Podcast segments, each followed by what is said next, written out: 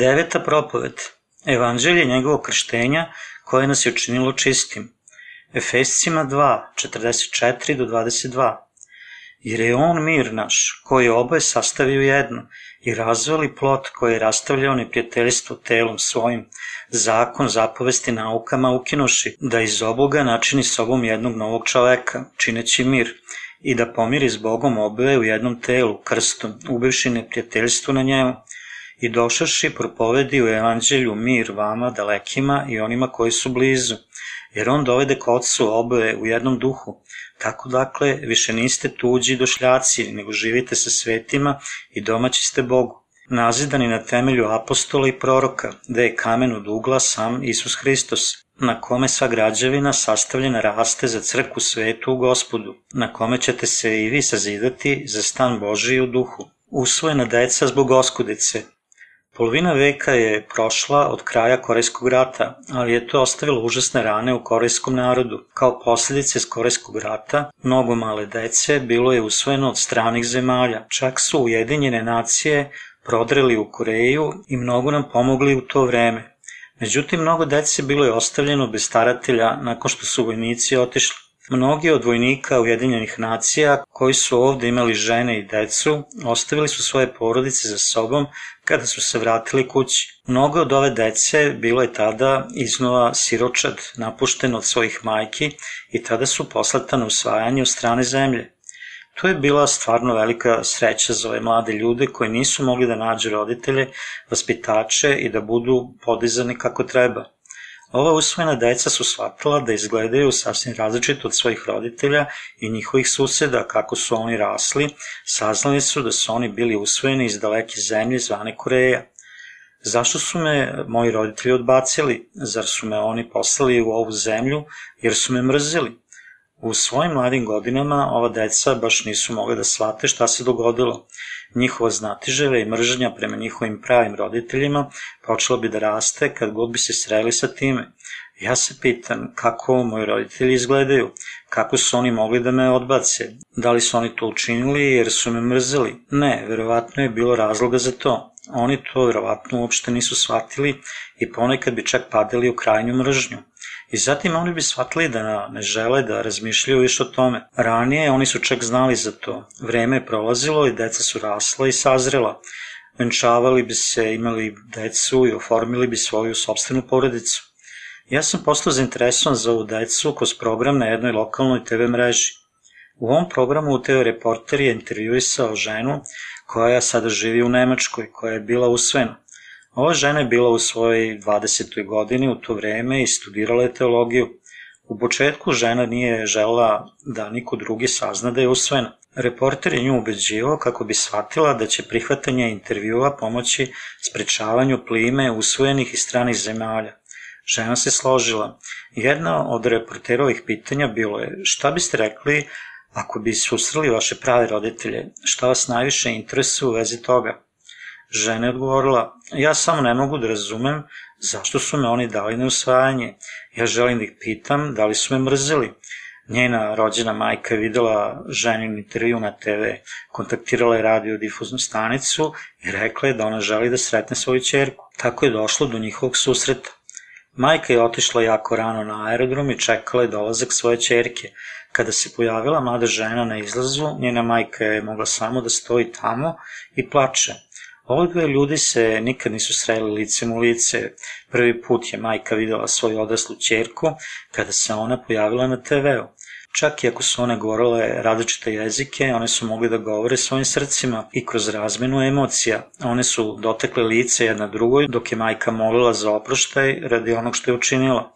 Sve što je ona mogla da učini bilo je plakanje i ponavljanje da je njoj veoma žao. Majka je dovela svoju čerku kući i one su jele zajedno. Naravno, čerka je govorila samo nemački, a majka samo korejski i zato nisu mogle verbalno da komuniciraju.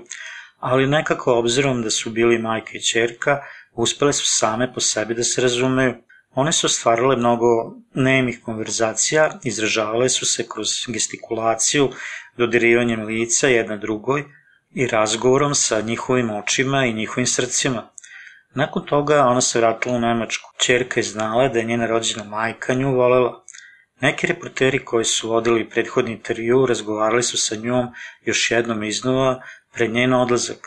Nije bilo potrebno da pitam svoju majku zašto me je dala na usvajanje. Moja majka je siromašna čak i sada. Imućni ljudi u toj zemlji su toliko bogati da oni voze strane automobile, ali moja majka i dalje živi u siromaštvu. Ona je otišla sa rečima, čak i ako ja nisam pitala svoju majku to pitanje, a nisam dobila odgovor od nje, ja sam mogla da vidim da me je ona poslala da bi me spasila od siromaštva. Zato ja nisam osetila potrebu da je pitam to pitanje. I zato je sva nedoumica i mržnja sada nestala.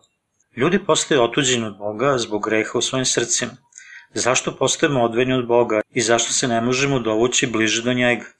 Žena koja je bila usvojena shvatila je svoju rođenu majku koja je nju poslala da bi je spasila od siromaštva. Da li je to isto tako sa Bogom? Bog je nas stvorio po svojoj sobstvenoj slici.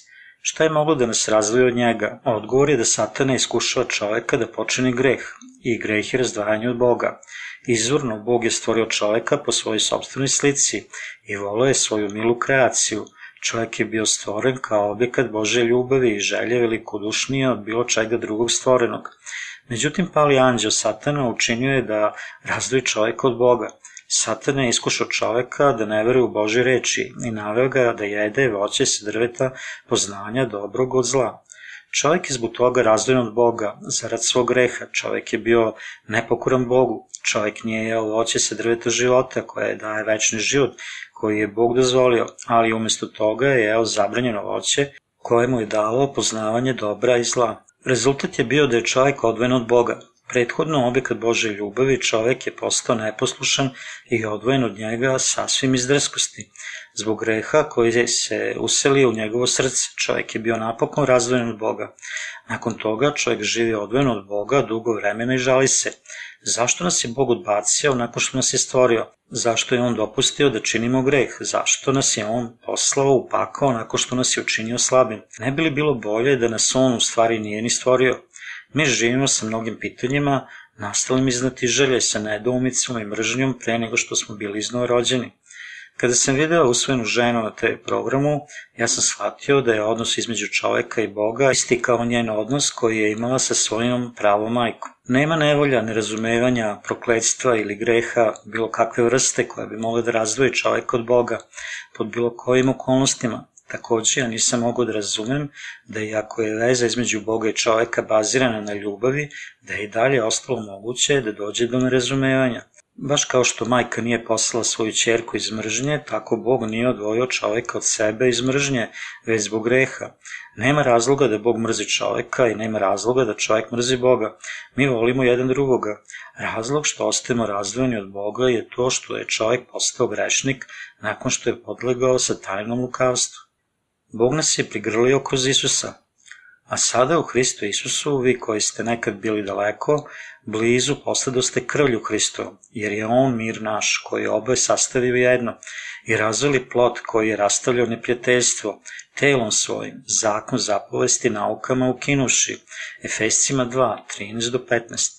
Gospod je bio kršten od Jovana i odnoje sve grehe sa sveta da bi ukinuo zakon i zapovesti, On je tada prolio svoju krv na krstu da bi spasao čoveka od njegovih grehova i dopustio mu da bude prigrljen od Boga. Bog je sada prigrlio one koji su bili očišćeni njime. Možete li zamisliti svet bez vode? Nije prošlo mnogo, ja sam bio na biblijskom sastanku u Incheon Cityu, jednom od najvećih pristaništa u Koreji, gde dovod vode nije radio u vremenu od nekoliko dana i ja sam mislio, ljudi ne mogu da žive bez vode. Kada bi Bog učinio svet bezvodnim na jedan mesec, bilo bi nemoguće da se živi u gradovima od zadaha, prljaštine i sveopšte žeđi. Mi naravno treba da shvatimo vrednost vode, koja nam je od Boga data, baš kao što je voda apsolutno neophodna za ljude, krštenje koje je Isus primio od Jovana na reci Jordan je podjednako neophodno. Da Isus nije došao na ovaj svet da bude kršten od Jovana, kako bi tada vernici u Isusa mogli da prime oslobođenje od grehova. Baš kao što ljudi ne mogu da žive bez vode, svako u ovom svetu bi umro od svojih grehova da Jovan nije krstio Isusa. Međutim, od kada je Isusovo krštenje odnalo sve naše grehe, mi sada možemo biti uvereni sa znanjem da su naše srca očišćena i da smo blagosloveni sa spasenjem. Isusovo krštenje je odlučujuće za našu veru. Što više, njegovo krštenje je apsolutno neophodno za nas, da bismo primili ustanovljenje svetim duhom. Petar, jedan od Isusovih učenika, rekao, za spomen toga i nas sada spašava krštenje, vaskrsenje Isusa Hrista. 1. Petrova 3.21. Petar zastupa stanovište da je Isus bio kršten od Jovana Krstitelja i da je krvario svojom krvlju da bi nas spasao od naših grehova. Isusovo krštenje kojim su oprani svi gresi sveta je istinsko evanđelje. Sada da pogledamo na pasus u vezi Laura od bronze zapisanog u izlasku 30, 17 do 21. Još reče gospod Mojsiju, govoreći, načini umivalnicu od bronze i podnoži joj od bronze za umivanje i metnje između šatora od sastanka i oltara i naliju nju vode, da iz nje pere Aron i sinovi njegovi ruke svoje i noge svoje, kad idu u šator od sastanka, neka se umivaju vodom da ne izginu, ili kad pristupaju k oltaru da služe i da pale žrtvu ognjenu gospodu. Tada neka peru ruke svoje i noge svoje da ne izginu. To neka im bude uredba večna Aronu i semenu njegovom od kolena do kolena. U šatoru je bio lavor od bronze koji je bio postavljen između šatora od sastanka i oltara i koji je sadržavao vodu za pranje. Da ovaj lavor nije bio u šatoru, koliko bi samo bilo prljava sveštenička ponuda žrtvovanog. Toliko mnogo krvi prljavštine bi zaprljalo sveštenike koji su prinosili tako mnogo dnevnih žrtvi za ljude i polagali svoje ruke na ponudu za greh i zatim je ubili. Da nije bilo lavora u šatoru, sveštenik bi bio veoma prljav. Zbog toga je Bog spremio lavor za njih da bi oni mogli da stupe blizu njega sa čistim rukama. Grešnici su prenosili svoje grehe polaganjem svojih ruku na glavu ponude za greh i tada bi sveštenik žrtvovao Bogu u njihovu korist. Bog je pripremio lavor od bronze da bi sveštenici mogli da uđu na sveto mesto i tako mogli biti oprani vodom da ne bi umrli. Čak i sveštenik nije mogao ući na sveto mesto sa ostacima životinske krvi, zato su sveštenici prali svu nečistoću u lavoru sa vodom da bi došli blizu Boga nakon prinosa žrtvi za narod. Isusovo krštenje je opralo sve grehe za sveta. Kroz Isusovo krštenje od Jovana na reci Jordanu, svi gresi sveta bili su preneti na njega i njegovo potpuno potapanje u vodu ukazivalo je na njegovu smrt i njegovo projavljivanje iz vode pretpostavljalo je njegovo vaskrsenje. Drugim rečima, Isus je bio kršten od Jovana da bi preuzao sve grehe sa sveta, platio cenu za greh i umro na krstu. Njegova smrt je platila cenu za naše grehe i njegovo vaskrsenje nam je dalo večni život. Ako mi ne bi verovali da je Isus uzeo sve naše grehe kroz svoje krštenje, naše srce bi bila puna greha. U tom slučaju kako bi bilo moguće doći bliže Bogu? Evanđelje otpuštanja greha nije nauka iz neke denominacije, već istina Božja. Mi ne možemo da se očistimo svojom verom bez savršenog spoznanja. Drugim rečima, mi ne možemo nadvladati svet ako zaista ne obratimo pažnju na to da je Isus bio kršten od Jovana. Baš kao što živim tvarima treba voda da bi održali živote, nama treba oslobođenje od grehova i voda i svo krštenja da bi živeli od vere i ušli u Carstvo nebesko. Isus je trebalo da bude kršten, umre na krstu i vaskrsne da bi nas spasao od naših grehova. To je evanđelje vode duha u koje mi moramo verovati svim svojim srcem. Čak iako je Isus bio raspet da umre na krstu, on nije učinio ništa što zaslužuje takvu kaznu. On je došao na ovaj svet da opre naše grehe, bio je kršten u 30. godini i postaje naš spasitelj kroz svoju smrt na krstu u 33. godini. Bog želi da učini čovečanstvo svojom decom bez obzira koliko slabi i grešni mi bili. Zato je Isus bio kršten. Bog nam je dao oslobođenje od grehova i dar od svetog duha u isto vreme. Ako se ko ne rodi vodom i duhom, ne može ući u carstvo Božije. Jovan 3, 3 do 5. Vi morate da znate i verujete da je Isus bio kršten da bi oprao sve naše grehe, čak i ako je neko iznova rođeni hrišćanin, ukoliko on ne misli na istinu da je Isus Hristos odno sve grehe sveta kroz svoje krštenje, njegovo srce će uskoro postati ispravljeno. Zato što smo mi udružena bića, mi smo podložni da budemo ispravljeni grehom svakog dana u životu. Zato mi uvek treba da živimo po veri, mislimo na Isuo krštenje, njegovu krv i njegovo vaskrsenje. Ta vera će nas održati do dana kada ćemo ući u Carstvo nebesko. Isus nije imao izbora osim da bude kršten i umre za naše grehe. Stoga mi moramo da verujemo da je On tako učinio da bi nam donao spasenje. Ne treba ništa više da činimo osim da verujemo u ovo divno evanđelje da bi bili oslobođeni od naših grehova u svetu. Mi zahvaljujemo gospodu koji nam je dao evanđelje vode i duha. Najveći dar koji nam je Bog dao bio je da nam pošalje svog jedinorodnog sina, da nas spase od svih naših grehova kroz svoje krštenje i krv. Razlog zašto ne možemo da dođemo bliže Bogu i što smo prisiljeni da živimo odvojeno od njega, bio je taj što mi imamo greh u našim srcima. Isus je bio kršten od Jovana da odnese sve naše grehe sa sveta i umre na krstu, da bi slomio zid koji je razdvajao Boga i čoveka. Veza između Boga i čoveka je obnovljena njegovim krštenjem i krvlju. Mi zahvaljujemo njemu za ove darove. Ljubav fizičkih roditelja prema svojoj deci je velika, ali to je neuporedivo sa Božjom ljubavlju kojom je Isus spasao nas, grešnike.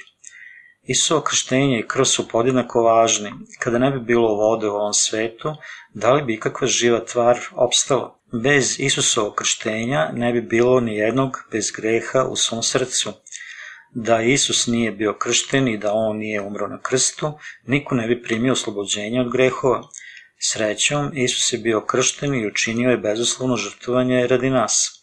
Čak i ako smo mi manjkavi i skloni padu, mi možemo da primimo svetog duha verom u njegovo krštenje i krv na krstu.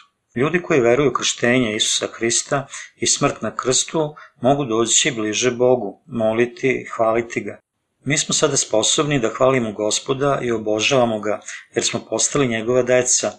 To je Božja milost i blagoslov. Evanđelje sa krštenjem Isusovim i njegovom krvlju na krstu je istinski izvaredno.